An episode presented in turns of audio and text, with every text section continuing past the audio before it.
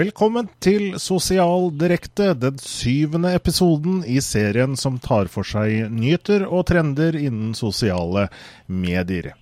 Det hele toppes med interessante gjester som velvillig stiller opp hos oss, som, og de inspirerer, de motiverer, de interesserer, og de gir oss alle økt innsikt. Men det hele hadde slettes ikke vært mulig uten denne karen her, som er Morten Myrstad det er jo et navn i, i, bransjen, og han har solid kunnskap. Og, og, ja, uten han, rett og slett, så hadde det ikke vært mulig å gjøre dette her. Du står på seint og tidlig, Morten, for å gjøre dette konseptet sosial direkte. Og det merkes også på tilbakemeldinger vi får. Det er liksom ukens høydepunkt for noen, og det, det er liksom ikke måte på. Så det er jo ordentlig hyggelig for oss å høre, da. Da, da er det jo vel verdt det. Ikke sant? Det er en slags eh, lønn, det også. Eh, vi skal også passe på å takke Jannicke Vindnes Karlsen, som hjelper oss under denne direktesendingen. Og hvis du som ser på har innspill og spørsmål, så bruk gjerne Twitter med hashtag sosialdirekte. Vi skal eh, snakke, eh, straks eh, snakke med Schneider-Mike om lokalbasert markedsføring, og litt senere med Bjørn Haugland om Symphonical. Men aller først, Morten, er det egentlig noen som ser på oss? Ja, det, det er faktisk det. Og, og, det tikker litt oppover uh, uke for uke. Det er klart det varierer jo med tema, det varierer med gjestene våre.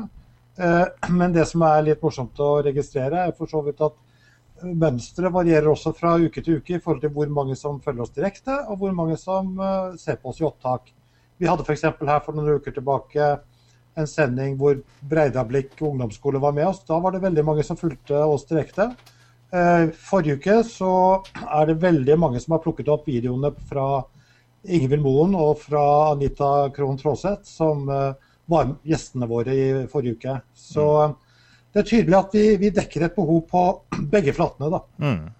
Ja, vi, vi, nærmer oss en uh, eh, 4000 visninger nå da, på de seks programmene vi har hatt uh, til nå. Det, nå er det vanskelig for oss å vite liksom uh, Det er jo liksom ikke på, på gullrekka-nivå på NRK, men allikevel, det er jo en god del tusen visninger og en, en god del mennesker som ser på oss. Ja da, og det, vi, vi, er jo i utgangspunktet så er vi jo en, en, slags form for nisjekanal. Samtidig som vi jo mener og tror at uh, sosiale medier som sådan griper inn i store deler av samfunnet vårt. Mm. Og, og, vi tror at fortsatt er det jo mange som ikke kjenner til oss i det hele tatt. Det, det, det møter jeg hver eneste dag. Eh, folk som egentlig da følger med på stoffområdet rimelig godt, men som, som ikke har fått med seg kanalen ennå. Vi har jo bare hatt seks uh, sendinger, da, og dette er den sjuende. Mm. Vi skal også i dag stille et spørsmål som vi gjerne vil at dere som ser på, går inn og svarer på. og Spørsmålet finner du under videoen på hva heter det, ukens spørsmål. Og Det vi spør om i dag, er rett og slett eh, om du sjekker inn. Eh, og Der kan du svare nei, jeg liker ikke å fortelle hvor jeg er. Eller eh, det motsatte, ja, jeg liker å dele hvor jeg er. Og du kan svare 'det hender når jeg husker å gjøre det'. Eh, det er jo forskjellige check-in-verktøy. Vi skal snakke litt om det straks.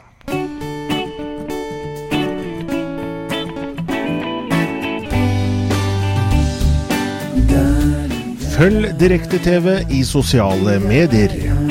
På Google pluss, på Facebook og Twitter direkte hver mandag Dataprat. Direkte hver onsdag Sosial direkte. Mobile and local check-ins and marketing is a somewhat new area, and to talk more about it, we decided to go to the US, where these services are somewhat more mature. Schneider-Mike is the co-author of the book Location-Based Marketing for Dummies, and he is the Senior Vice President, Director Incubator for Allen and Gerritsen. And he is with us live from Boston. Welcome, Mike. Hey, thanks for having me. It's great to be here. I apologize that I don't speak any Norwegian. 但是如果你们更喜欢，我会讲中文. If you prefer, I can speak Chinese. I think we go for for for English. very, very uh, nice of you to be with us, uh, Mike. and uh, you know, maybe you have been uh, uh, writing a book with, together with Arne Strout, uh, which is also a friend of yours and uh, from Boston. He is a competitor of yours today, but uh, but you have been writing this book together. if we start with um, this issue, it has to do with mobile, social, local. You could say it's solo mo. It's a sort of way to say things. Um, and with we, we, we start with mobile. In Norway, we have 66% that have a smartphone. Um, I think in the States you have sort of more than 50% too.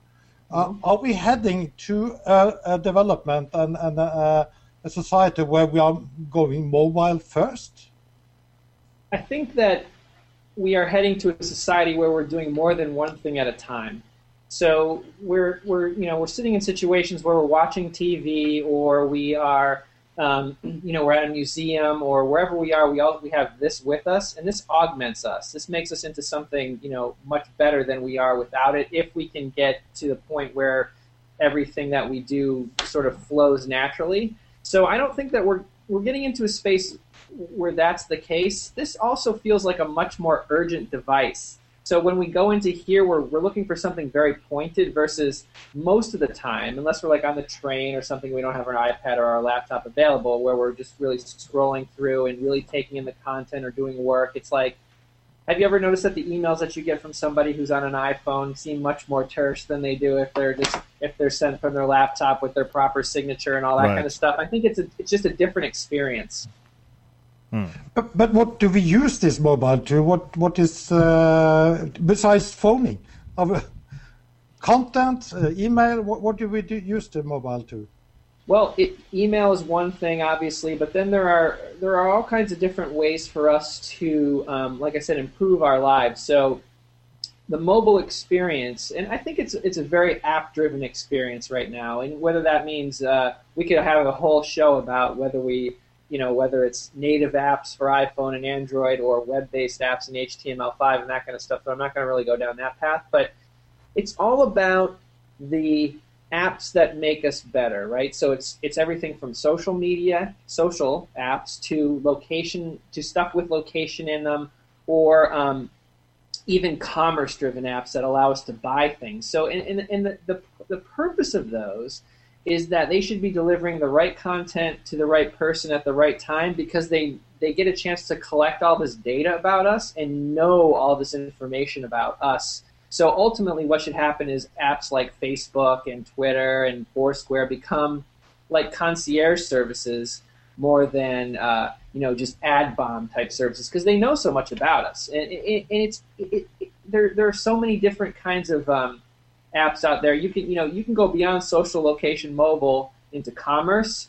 You can go into interests. You can go into aspirations like Pinterest. You can go into mood and there's a whole mood and well-being graph that's coming out around like uh, your fuel band and apps like Inflow and one called Happier that's out of Boston.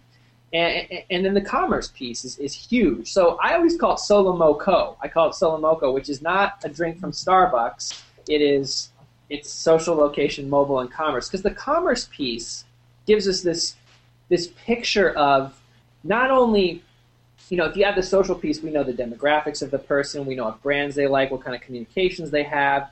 Location is how they pay that off. Where are they going? Uh, and then the commerce piece is actually how much do they spend when they get there. And some apps like Level Up give us the ability to see that over different experiences. So it's not just Starbucks knows that I come there every day and spend four bucks on fancy coffee. It's I go next door to the neighborhood baker and spend another five bucks on scones. So the so the size of my wallet every morning is nine dollars. Sorry, I'm doing U.S. instead or euros instead of you know Starbucks only knows about four dollars. So there's five extra dollars they could be getting from me, or five extra euros or whatever. So it's really interesting. But but in this field, there is also uh, a discipline uh, into marketing, which is called local-based marketing. What is the def the definition of that? Location-based marketing is just it's delivering the right message to the right person at the right time So it's interesting because a lot of people associate that to Foursquare and LBS apps like Google Latitude, or even smaller ones like Glimpse, um, or you know failed ones like Gowalla and Whirl, where it's all specials. But you look at things like Yelp has location-based components, Facebook, even Google, where you're browsing uh, based on uh, the location that you're in. You know, certain um, certain messages come to you based on where you are. That's location-based marketing. So it's not like any. It's not one thing. It's just let's get local context, relevant context into marketing. It's very broad. But the big player in the field is still Foursquare, or well, the bigger, I mean, bigger players, there are bigger players in Foursquare. People think of Foursquare as the biggest player just because it's a location based service. So when you hear location based service, location based marketing, bam, you can put those two things together. But Yelp is much bigger than Foursquare. And people tend to pull Yelp out a lot sooner than. Now, Foursquare's pivoted and they are trying to become more like local search, like Yelp is, and then also add the deals and, and that kind of content in. But they're, so it's, Google's a location-based marketer. Facebook's a location-based mar- marketing tool. Um, Twitter's even location-based. Uh, it, there, there are definitely aspects of being able to target. As, as long as you can target a location and send a message to a location, it's location-based marketing. Uh, I like these um, more modern uh, features that will come. We already know the the Apple Siri, uh, and also we have seen some concept video about Google Glasses where you have them on, and uh, it knows where you are, and you give much more uh, dedicated information based on where you are. What about yep. those uh, services? How those important? Services are, yeah you know those services are cool. Those are the future. So i can picture situations where you go into I, I, like to use the art museum example where you go in and it knows that you're in the museum. It knows uh, and it knows what painting you're looking at because of things like google because google glasses can obviously analyze exactly what you're looking at right? And then it has the internet to access and it gives you something like um, instead of the 160 character placard that says who the artist is and what era and what sort of painting it is it you can see all the other artists. You basically have the augmented reality come up in front of you that says these are this, these are other works from the artist. This is where they are. Some are in this gallery. Go see those, and then it, it can tell you things like the red in the painting is you know his blood because he just stabbed himself two minutes earlier after an argument with his girlfriend, or things right. like that. You know, you can get a better curated experience mm. from having from having those things. You can turn it on and off. So the next form factor of your phone is not like this. It looks like this. You know, I, I mean, that's what Google Glasses is heading us towards. So you'll be able to do things like blink or, I mean, at some point you'll be able to think about it and it comes on. But think about how location is a piece of just augmenting your reality in, in those cases. And, and that's really exciting to talk about. And you know who's trying to do it right now besides Google is Yelp. Have you ever used the Yelp monocle? No, not not in Norway. So Yelp has a feature where you can just hold up your phone and point to different restaurants, and the reviews kind of pop up in front of you. But it, right. it's adding a layer on top of the world, and that's the key to this. Like the internet is a layer on top of the world, and location says, okay, let's add this layer now because you're there and it's relevant. Hmm. But but I mean, like, like the glasses, and and surely I think Google are capable of doing that in, in the future. But how far away is it? Is it two years or, or five years? With the glasses? So it's interesting because I saw a company um, at South by Southwest two years ago. Um, there was a panel that was happening, and Yelp was on the panel, and Foursquare was on the panel. And there was a guy just sitting off in the corner, and he and he wasn't saying anything. He was like this this, this guy. I was like, why isn't he talking? I want to hear from this guy. And why is Microvision on the panel? And he just gets up and he goes, okay, this is why I'm here. He, he hmm. just everybody was talking, and he just interrupted because he had nothing to say with the current set of the topic, but he, go, he picks up this device that looks like an iPhone and he starts pointing this laser and showing a Christina Aguilera video in perfect, uh, uh, perf- that was perfectly sized wherever he pointed it. So if he pointed it to the ceiling, to the floor, whatever. But basically, what this was was this was their micro laser that was going to allow them to put lasers into glasses that would allow us to perfectly scan things and then go to the internet. So I think like that technology was still in a form factor that looked like an iPhone. It, and I'd say it's, it's going to take them probably three to five years to get that into a small enough size that it's going to be able to come out of our glasses and scan things and not burn somebody up. Hmm. Are people in general slow to pick these services up, or I, I mean, like uh, uh, Foursquare has only about 25 million users in, in, in the world, so it's not a lot compared to you know Facebook and everything else. The big people world. are slow to pick these up, and this is why they're slow to pick things up um, because the behavior is unnatural, and the benefit that you get doesn't exceed that uh, doesn't exceed the unnatural behavior scale. So basically, for you to do a check-in, it's I got to find my phone. I've got to open an app. I've got to find Foursquare. I've already alienated my friends. My wife's mad at me. Everybody, you know, I'm trying to find this location. I push on, I push the location. I click check in. There's a deal there. I have to figure out if I qualify for that deal, and then I've got to go up to the, the register, show it to the cashier, cross my fingers that they know what to do with it, and do it. So like unless I'm getting a free pony, you know, it, that, yeah. that's really hard to get my grandmother to do. Because she, you know, it, she has enough trouble getting on email on her smartphone, let alone let alone uh, uh, using an app like Foursquare. So what it needs to be is some natural behavior, like Scavenger has an app called Level Up that basically um, it allows you to pay with your phone with a QR code. You just go and you scan a QR code, and if you're entitled to a deal, you get it. Otherwise, you just pay and you and you uh, you get points toward the next deal. So what happens is every place that uses Level Up starts you with a deal. So it's all about acquisition. Then you continue to spend money there, and as you hit a certain threshold, like if you spend fifty dollars, you unlock like a ten dollar credit, and it's really cool because it's part of the payment. It's about acquisition. It's about retention it's about getting a person to, to come one more time a month because they know they're going to get that uh, they know they're going to get that credit. They spend a little bit more, uh, and then we get analytics on where else they go with, and use Level Up, which is, as a merchant is very cool because we have a sense of how much they spend with us and how much they spend with other Level Up customers. That's natural behavior, and they're getting something good. It's not like I've got to go and decide if I'm going to spend ten dollars on getting a, a, a cat waxing because you know my cat needs a a cat needs uh, uh, some grooming. I, I have to hedge on that on Groupon, but it, it's not like that at all. There's no price re- renormalization with Level Up, and that's natural behavior, and that's what your grandmother will do. Because you, you sometimes wonder how much does the gamification mean in, in this kind of market where you become a king of a street or a, or, or a, or a part yeah. of the city. How is important? How important is that?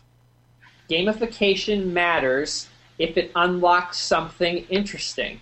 So with Level Up, the gamification is a progress meter. So it's okay, you you spent this much and you need to spend this much to unlock another $20 discount or something like that. So right there, the gamification is very important because I know what I'm working towards. Right. If the gamification is I get a badge and I'm, then I'm going to be able to post to my Facebook page, that's going to appeal to fewer people. I mean, it, it's all about the value that the gamification brings to the table. I mean, there are people that play games for the sake of playing games, but um, you know, it, it, and, and, there are all kinds of cool game mechanics that we can add besides just badges and progress meters and uh, uh, you know social sharing and working together. Um, you know, referral programs. Add, those are extremely important because they add virality.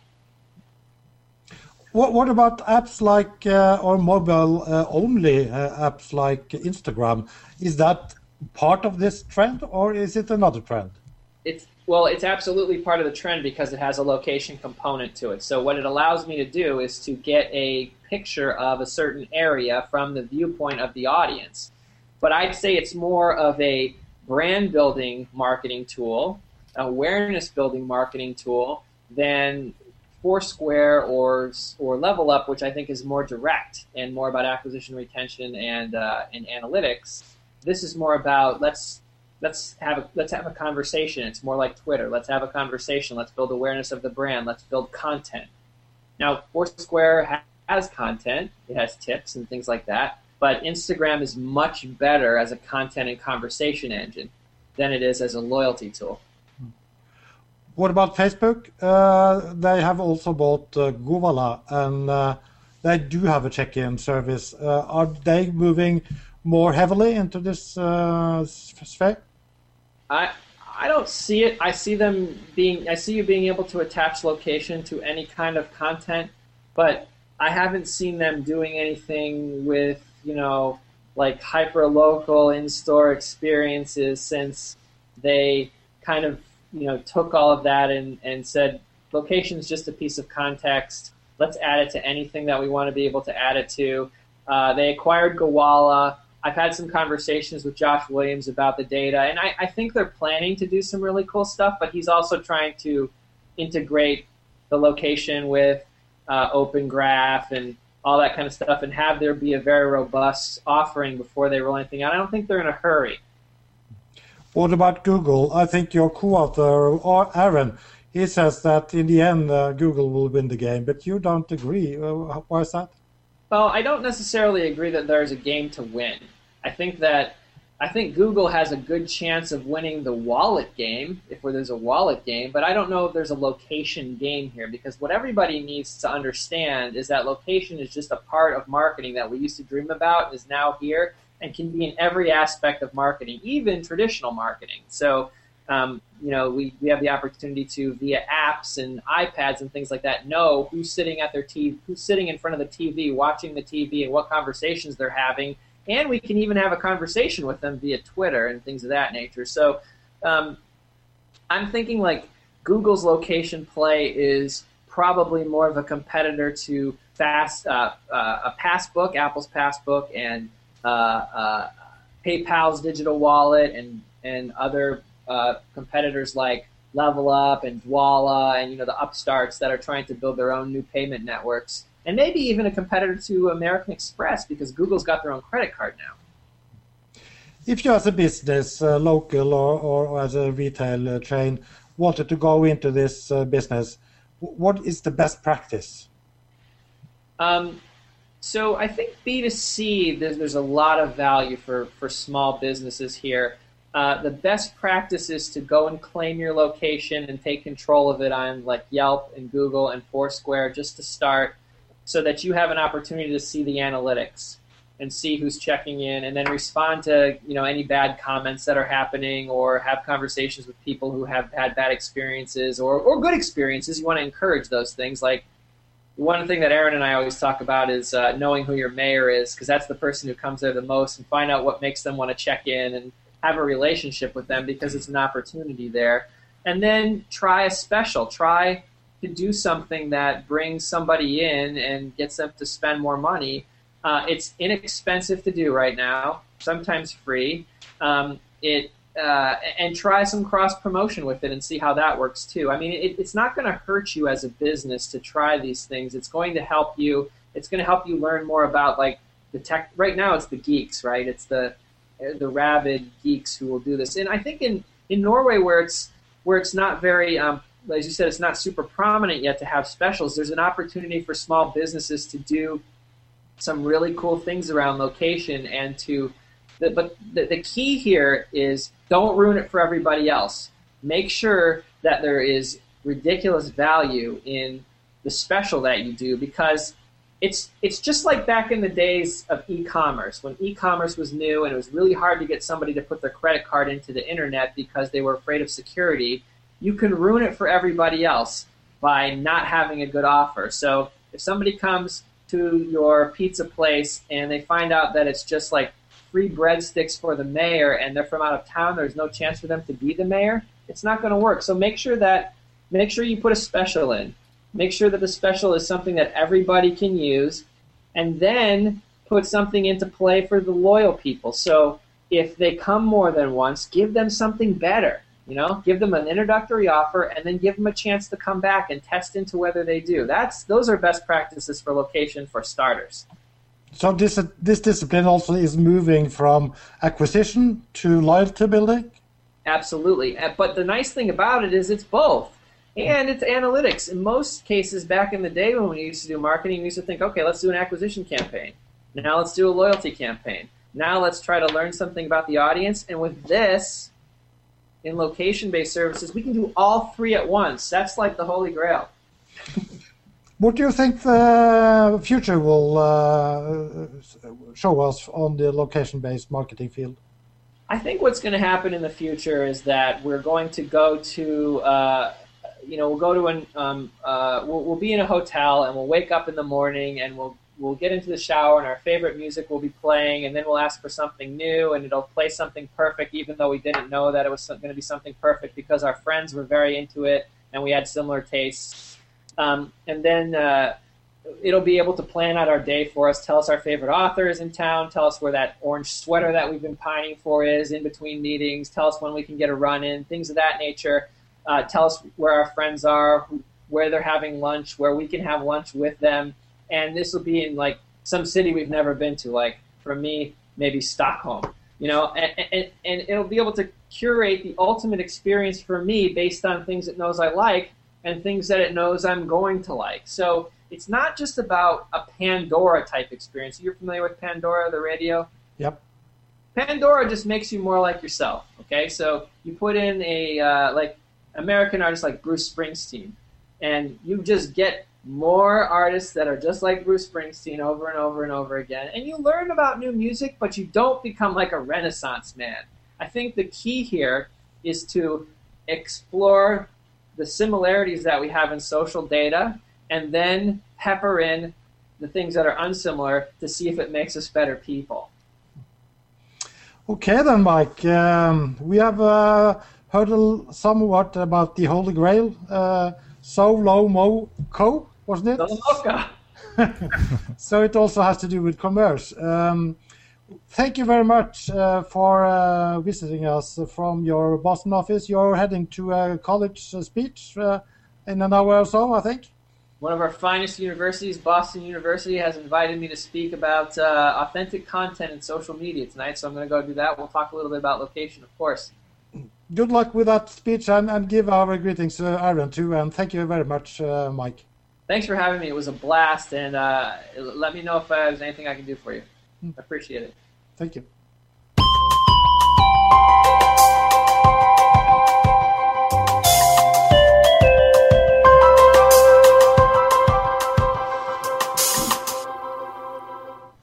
Ja, Vi minner om hashtaggen sosialdirekte, som dere kan benytte som mye dere vil, og slik at vi får deres eh, innspill til eh, direktesendingen.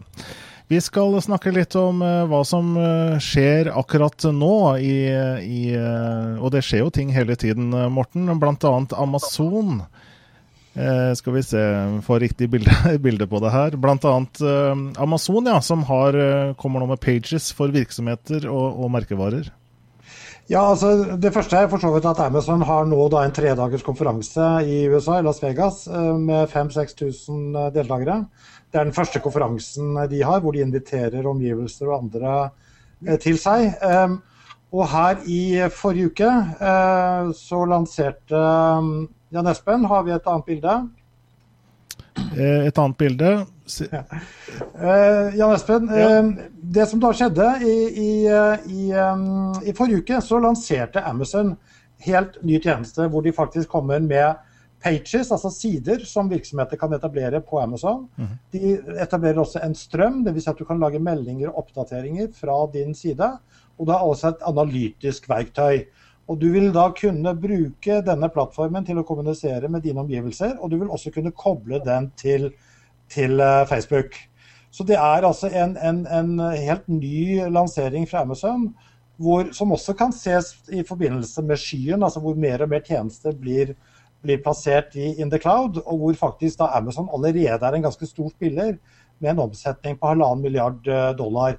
Det mange i Norge ikke vet, er jo på en måte at Amazon er svære. Eh, og de, du kan si at de er en av de fire store, ved siden av Apple, ved siden av, eh, av Facebook og ved siden av Google. Så de fire møter hverandre nå på stadig nye områder. Og i skyen så er jo særlig kanskje da Google og, og Apple og, og, da Amazon konkurrenter. Mm. Eh, så skal vi snakke litt om jul, fordi vi nærmer oss 1.12. Og da er det jo typisk at det kommer en del eh, julekalendere fra forskjellige bedrifter. Og jeg tipper at Facebook f.eks. vil ha et rekordår i, i, desember i år i forhold til antall julekalendere også i, i Norge. Men man skal være litt påpasselig med hva man trykker 'liker' på, og hva man eh, ønsker å delta på og svare på, fordi det er nettopp en stor sjanse for at dine kontaktopplysninger blir solgt videre. Og det vil si at du ute i januar en gang vil få noen telefoner fra selgere som ønsker å selge deg produkter. Og Forbrukerombudet de advarer nå mot slike julekalendere og ber brukerne lese det som står med liten skrift og være litt påpasselig med hva man takker ja til. For ofte betaler man jo med kontaktopplysningene sine. Så skal vi snakke litt om eh, Twitter. Eh, og det er fordi at eh, CEO Dick Costolo han lovte i september at alle brukere skal få lov til å laste ned alle sine tweets. Og for de som har mange tweets, så kan det jo kanskje ha en verdi å, å, ta vare på dem. fordi det er jo ikke så lett i dag, kanskje, uten å ha kanskje et abonnement på en, en spesiell tjeneste, å komme tilbake til de, de første tweetene man, man, skrev. Og i hvert fall ikke så lett laste ned alle, Morten. Og da er det sånn at uh, han har sagt igjen at nå i løpet av noen få uker så skal det være mulig å laste ned alle sammen. Og Twitter øker også i popularitet. Morten? Ja, de er nå oppe i, uh, i 1 milliard tweets uh, på uh, to og en halv dag. Så det, det, øker ganske kraftig. Og det du nevnte med, med, det å kunne laste ned sine tweets, en annen ting er jo at Twitter også over tid er blitt lettere tilgjengelig på søk. Mm. Så, så, det å øke trafikken og gjøre seg lettere tilgjengelig, og også at brukerne da kan laste ned sitt innhold, er, er da en del av den utviklingen Twitter er inne i. Mm.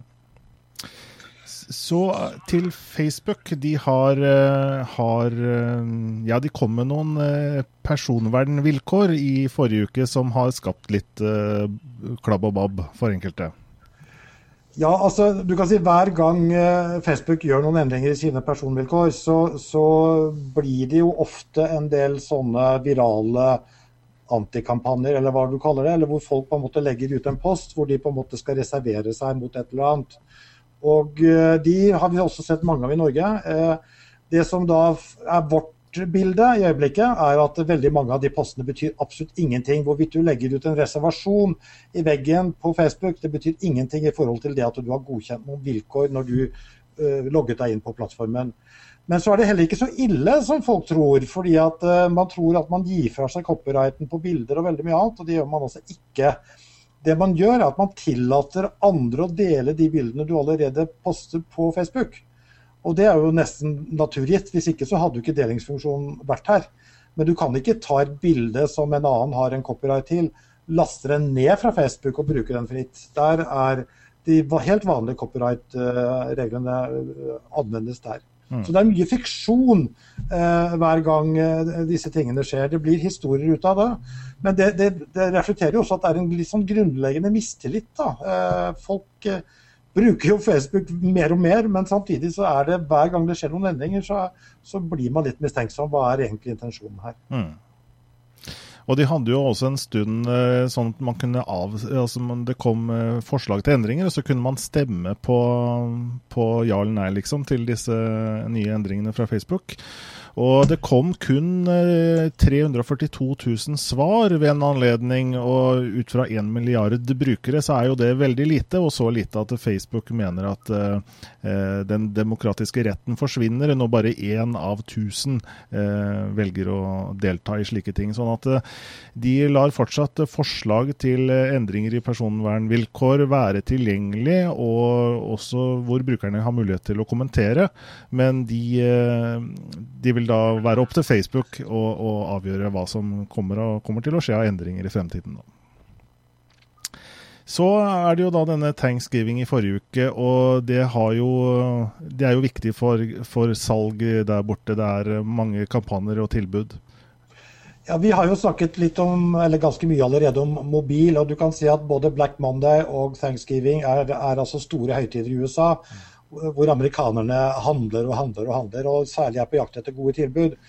Og Der har bl.a. IBM laget en analyse som viser at e-handel vokser kraftig. Vi snakker om 30% i forhold til sammenlignbare tall i fjor.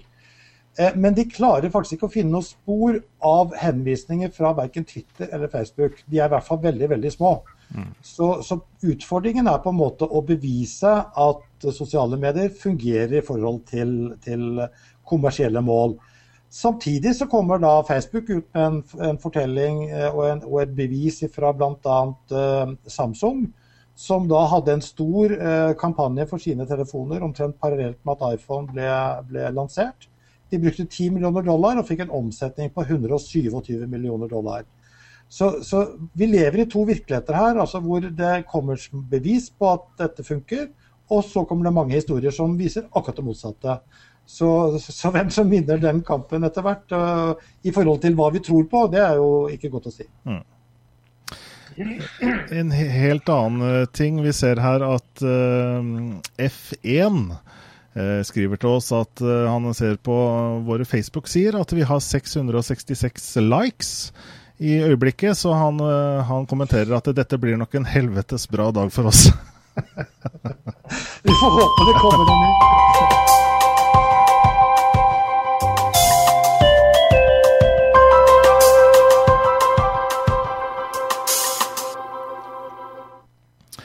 Vår neste gjest er en tøffing. Han har stått på ski til Nordpolen, og han har klatret en rekke av verdens bratte fjellsider.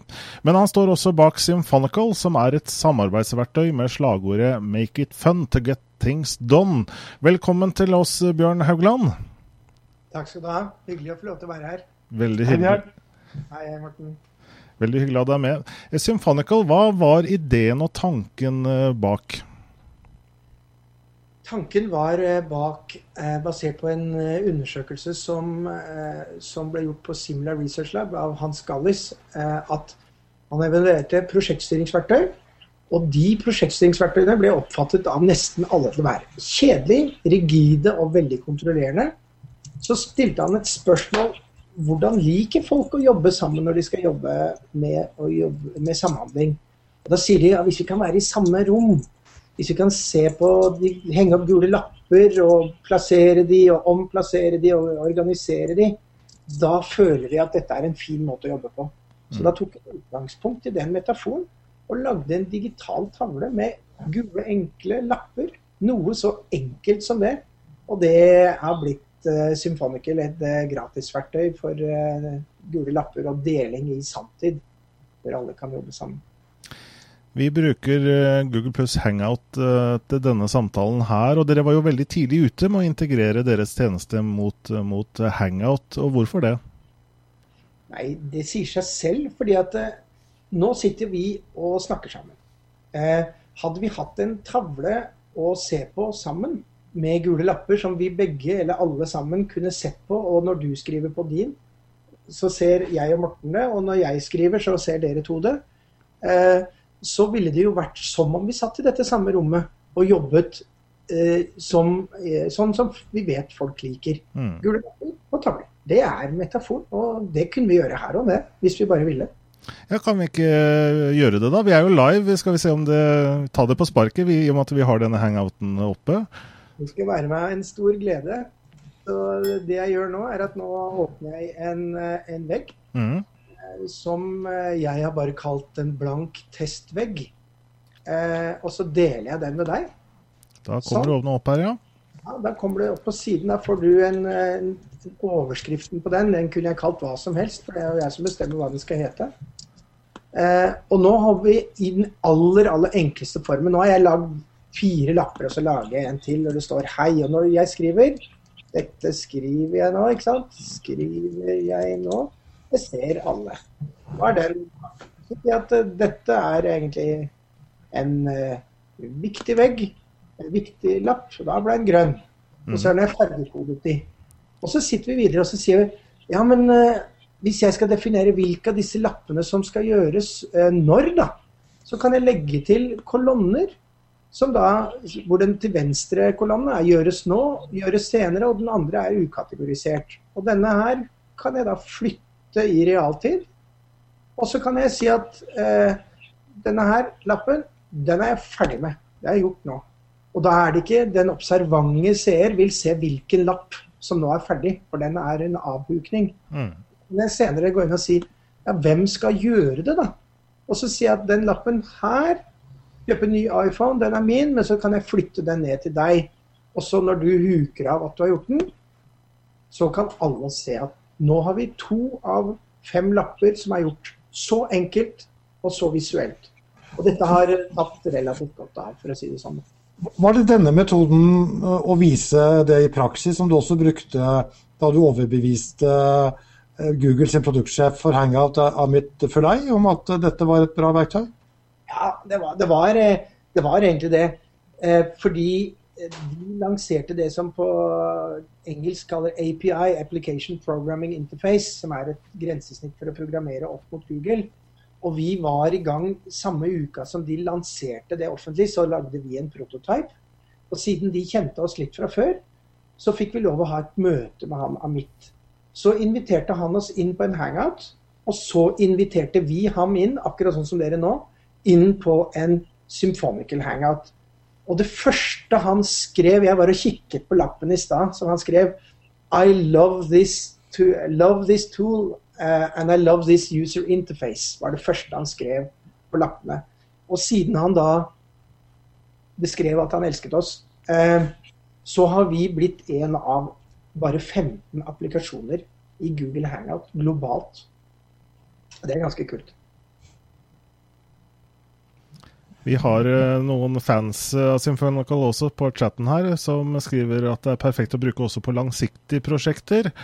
Og eh, Google Hangout med Docs og Symphonical effektiviserer gruppearbeid, sier Ivar. Og uh, Loy skriver at lav og høy viktighet og haster, haster ikke. Og firkantet to do-liste er min favoritt. Så det er flere som bruker det her i, av våre seere også. Ja, altså, vi vokser ganske fort, da. Når folk snakker om at de eh, vokser 8-10% i året, så de siste månedene har vi vokst 8-10% i uka. Og Det er en ganske hyggelig vekst. Eh, spesielt så lenge det er rentes renteeffekt, så den veksten bare eh, vokser mer og mer. Så nå passerte vi i går passerte vi 40 000 brukere eh, i 130 land. Og det syns vi er veldig gøy. Men foreløpig er jo tjenesten deres gratis, så hva er egentlig forretningskonseptet? Du er jo en businessmann, Bjørn. Så hvor skal du tjene penger hen? Altså, Symphonical kommer alltid til å være gratis. Eh, men vi kommer til å lansere reklame på lappene for de som vil fortsette å ha det gratis. Og så kommer vi til å legge på slik at veggen din kan du skreddersy. At du kan få din egen logo, du kan få din egen bakgrunnsfarge, du kan få dine egne skins, og du kan få egen funksjonalitet. Og da må du kjøpe et abonnement, eh, slik at du kan få din spesielle variant. I tillegg så har vi tenkt at eh, det fins maler. Nå viste jeg dere, startet jeg fra scratch, men det ville vært veldig smartere hvis jeg kunne vist dere en ukesplan eller en to do-vegg eller en SWOT-analyse eller Det er mange, mange forskjellige måter å sette opp en struktur og en vegg på, med eller uten lapper. Og vi tror at folk er villige til å betale for at noen har gjort masse arbeid for å strukturere opp hvordan skal et seminar se ut, f.eks. Hva trenger man å gjøre i forkant, underveis og etterpå, etter et seminar eller en fest eller et prosjekt. Og Det tror vi også at folk er villige til å betale for. Og Da er det andre enn oss som lager innholdet på veggen. Og så markedsfører de seg gjennom oss, og så deler de på inntektene. Litt sånn som AppStore. Så vi blir en AppStore i AppStoren. faktisk. Litt mer om de som bruker uh, Symphonical. da. Er det, er det mest nysgjerrige brukere som er sånn engangsbrukere, eller er det, treffer dere også bedrift, bedriftsmarkedet her? Og i hvilken grad bruker bedriftsmarkedet Google pluss Hangouts? Gledelig nok så har vi fått veldig, veldig mange bedriftsbrukere. Vi har laget Symphonical veldig, veldig enkelt og lekent. Og vi trodde at dette skulle treffe unge folk, men det viser seg at selv sånne som oss, som er seriøse forretningsfolk, liker et leken grensesnitt. Og de bruker det til seriøs business med å planlegge prosjekter og planlegge alt mulig rart. Men også mye private ting som skal, bryllup, fester. Eh, F.eks. mange har ukeplan i familien. Vi har én linje for hver ukedag eller for hver person.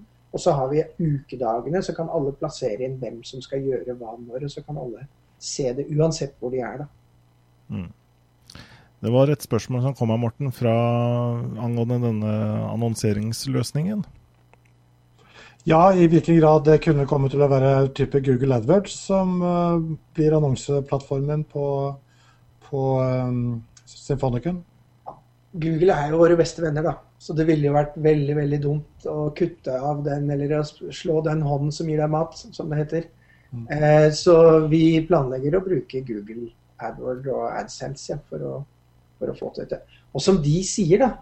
Det er bare vi i hele verden som kan sørge for at den annonsen er relevant for alle, hvor enn de måtte være i verden.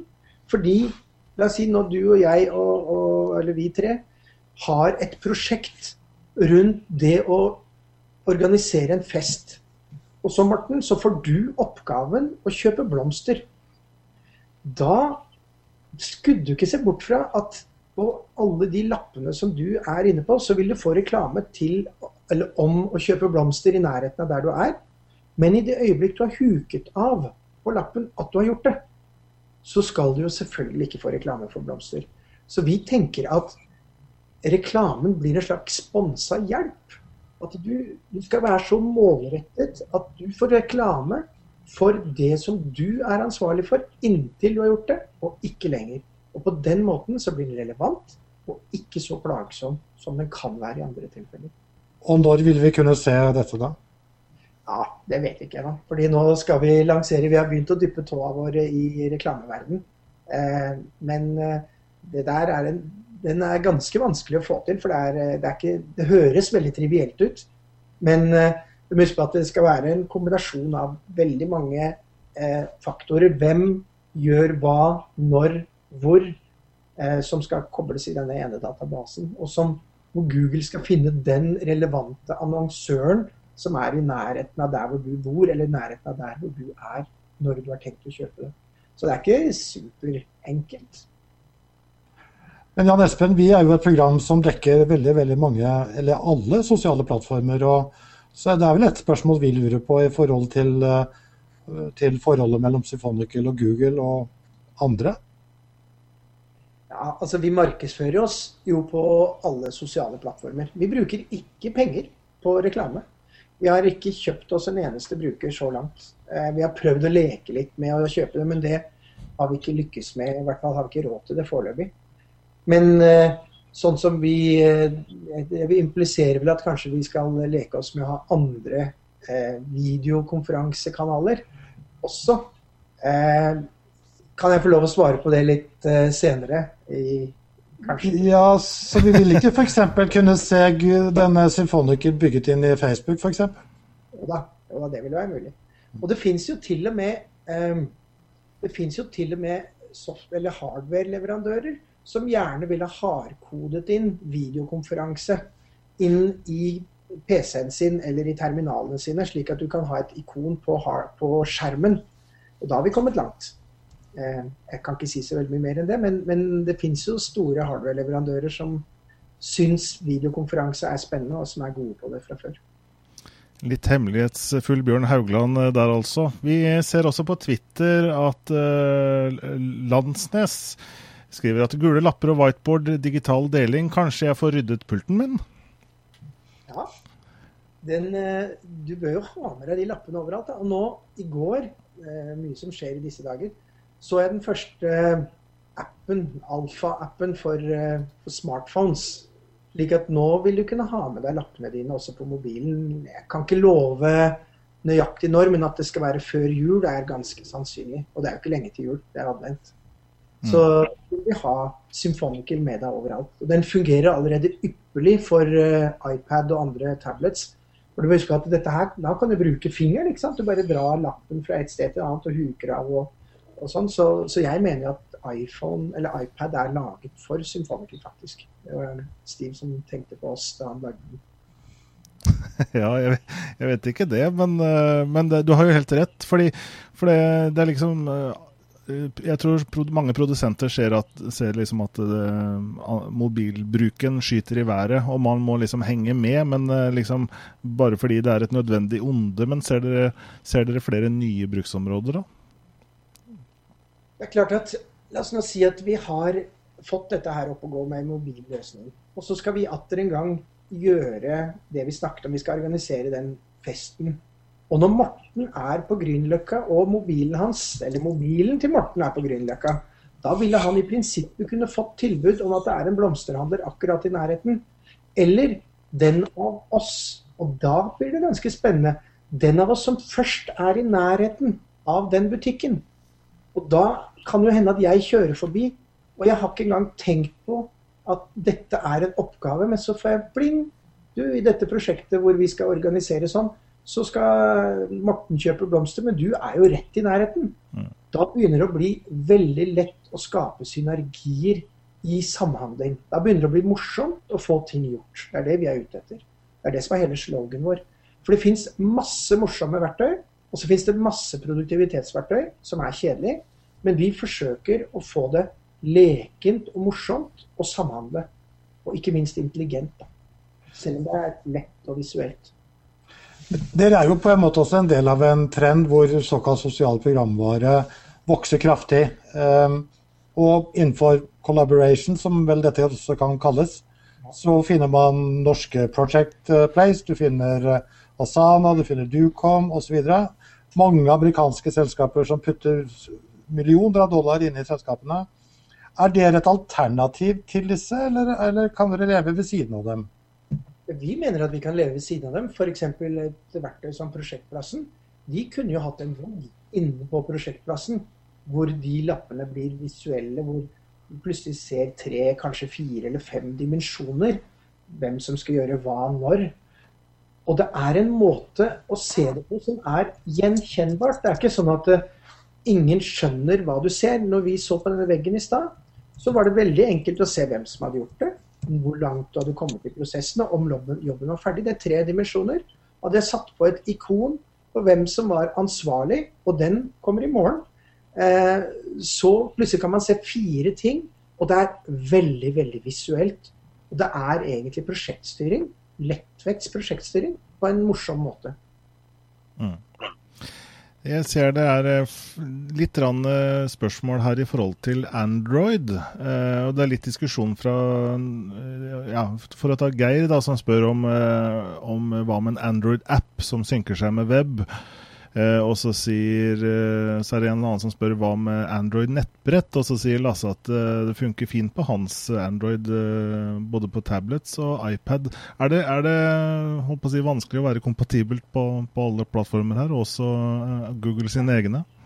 Vi begynner, vi har programmert i HTML5, så det skal fungere på alt. Så det spiller ingen rolle om det er Windows, om det er Apple, eller om det er Android, eller hva enn det måtte være. Lasse, som jeg tror skriver det fungerer på, det er han som er utviklet. Og han utvikler på Android-plattformen. Det er jeg som er Apple-mannen hos oss, som tusler rundt med en iPhone og en pad. Mm. Eh, så, så, dette skal fungere på alt. Og, og, egentlig uten å være en app. For dette er en web-app i så fall. Vi legger et lite lag oppå som gjør at du skal finne den igjen i appstores rundt omkring, eller i Play eller i iTunes eller hvor enn det måtte være. Men den kunne også fungert helt uten en app. Men for oss er disse appstorene en markedsplass mer enn noe annet. Og da må du kunne klare å finne den der, klikke på den, og da blir det lastet ned et lite ikon på skjermen din som gjør at du finner den igjen veldig lett neste gang. Men du kunne også gått inn i Opera og skrevet inn symphonical.com på mobilen din, og så hadde den fungert der også.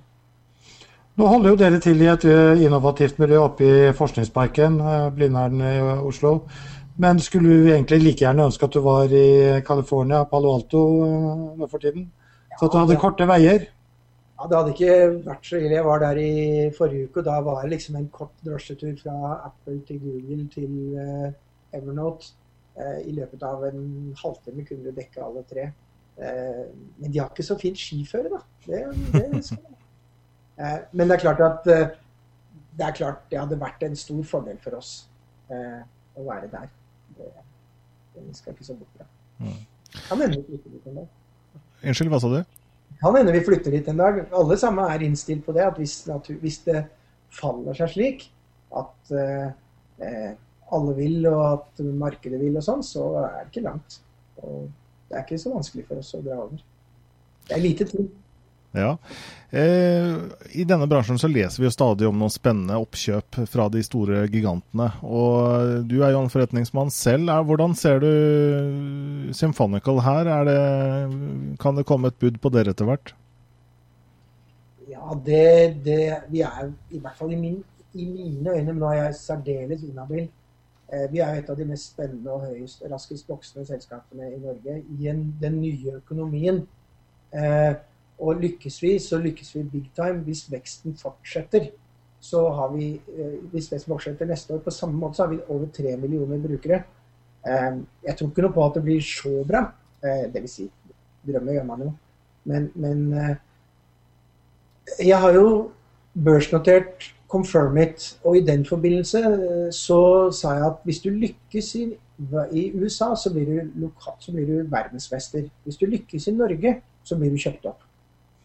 Eh, og nå skal det sies at det er jo store synergier mellom oss og f.eks. et selskap som Google, som, hvor vi kan legge oss på deres hangout, vi kan integrere oss med deres uh, events, vi kan integrere oss med kalender, vi kan ligge på deres drive, vi kan ha en Google Doc, hvor lappene våre kan være docs. Det er altså enorme synergier mellom oss og det selskapet. Det er synergier mellom oss og et selskap som Evernote. Det er synergier mellom oss og, og Amazon, som kunne ligget som dere snakket om. Det er mange synergier med mange. Og eh, det ville vært naturlig at vi på en eller annen måte finner allianser. Om vi klarer oss alene, det vet vi jo ikke. Eller om vi blir kjøpt opp. Eh, det er jeg ikke så opptatt av. Det viktigste som vi er opptatt av nå, er å lage et knakende bra og morsomt og enkelt verktøy som folk vil begynne å bruke. Og hvis vi lykkes med det, så vet vi at får vi brukere, så tjener vi penger. Og får vi begge deler, penger, og, og så finner vi alltids eh, alliansepartnere eller friere som står på bordet Mm. Da ønsker jeg dere lykke til videre med Symphonical. Og, og du er altså CEO for, for, Symphonical. Dere er da Hvor mange er dere nå, forresten? Vi er fem stykker. Vi er fem stykker. Mm. Takk for at du var med i Sosial Direkte. Takk for at jeg fikk være med. Ha det bra.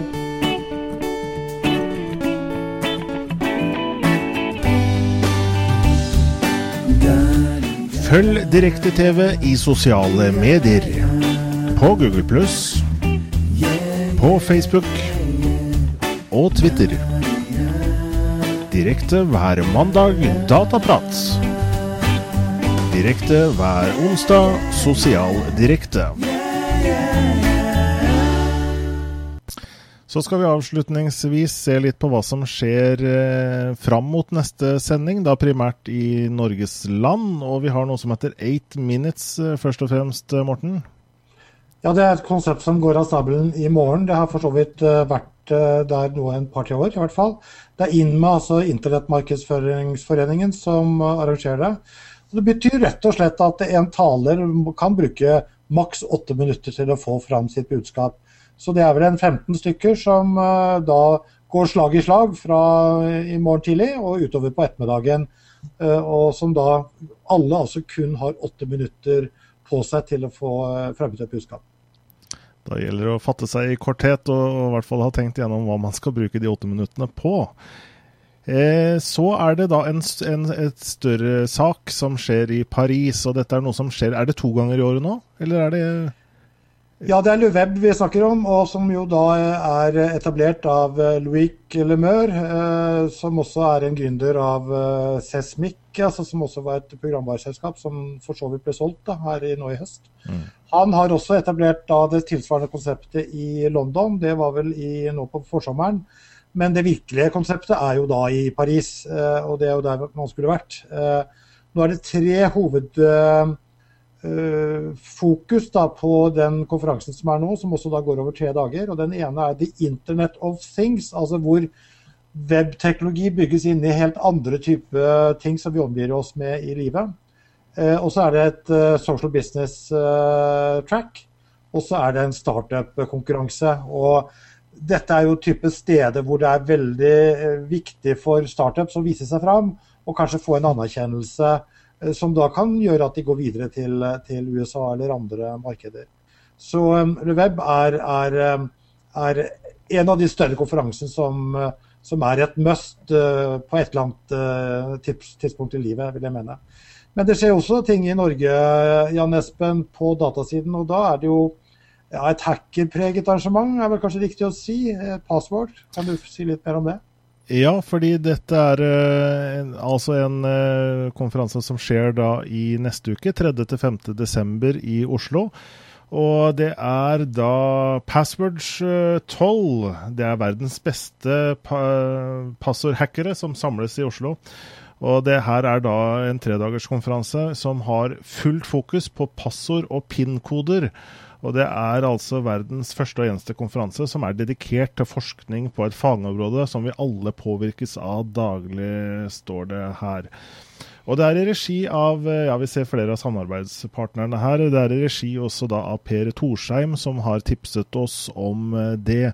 Og det er vi veldig takknemlige om, fordi at i denne bolken her så tar vi veldig gjerne imot tips på det som skjer i, av eh, både i Norge og utland av, eh, av både konferanser, seminarer og hva det måtte være. Så vi tar gjerne imot tips vi til gjester og saker i programmet. Du bruker da eh, Ja, du kan jo gjerne bruke e-posten vår. Det er sosialdirekte. Krøllalfadirekte.tv. Da er vi ved veis ende, Morten. Vi er det, men vi skal vel få med oss resultatene fra check-in-konkurransen vår? Det var godt du sa. Det var veldig eh, godt du sa. Eller har du sjekket ut allerede, kanskje? Ja, ja ikke sant? Jeg, jeg, har den her i hvert fall. Så hvis jeg refresher eh, resultatet her, da, så skal vi se om, eh, om noen har sjek, om noen sjekker inn. Og det, flertallet sier at det hender så lenge de husker det. For 41% 35 eh, sier nei, de ønsker ikke å fortelle hvor de er hen. Og 23% er ganske flinke med å dele, dele hvor de er. Så er det, er det for, forventet svar? Ja, altså jeg tror jo, eh, som uh, Mike, uh, som vi hadde besøk av, det er klart at I en amerikansk virkelighet, eh, som kanskje er en shopaholic-økonomi på mange områder, eh, så, så, er en del sånne type aktiviteter kanskje viktigere enn det det er for oss litt trauste nordmenn. Da. Men vi gjør det jo gjerne når vi er ute og reiser, eh, når vi opplever noe.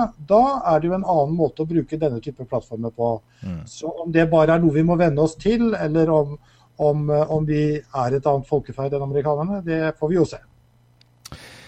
I vårt eh, virtuelle studio, kommunikasjonsrådgiver i Kontekst, eh, Morten Myrstad, og jeg selv er Jan Espen eh, Pedersen. Vi skal også takke Jannicke Vindnes Karlsen, som er med oss i kulissene og følger med på det som kommer av spørsmål, som gjør at vi kan bringe det videre med i sendingen her. Vi er tilbake med en ny episode med Sosial Direkte onsdag 5.12. klokka 21.00 på direkte.tv.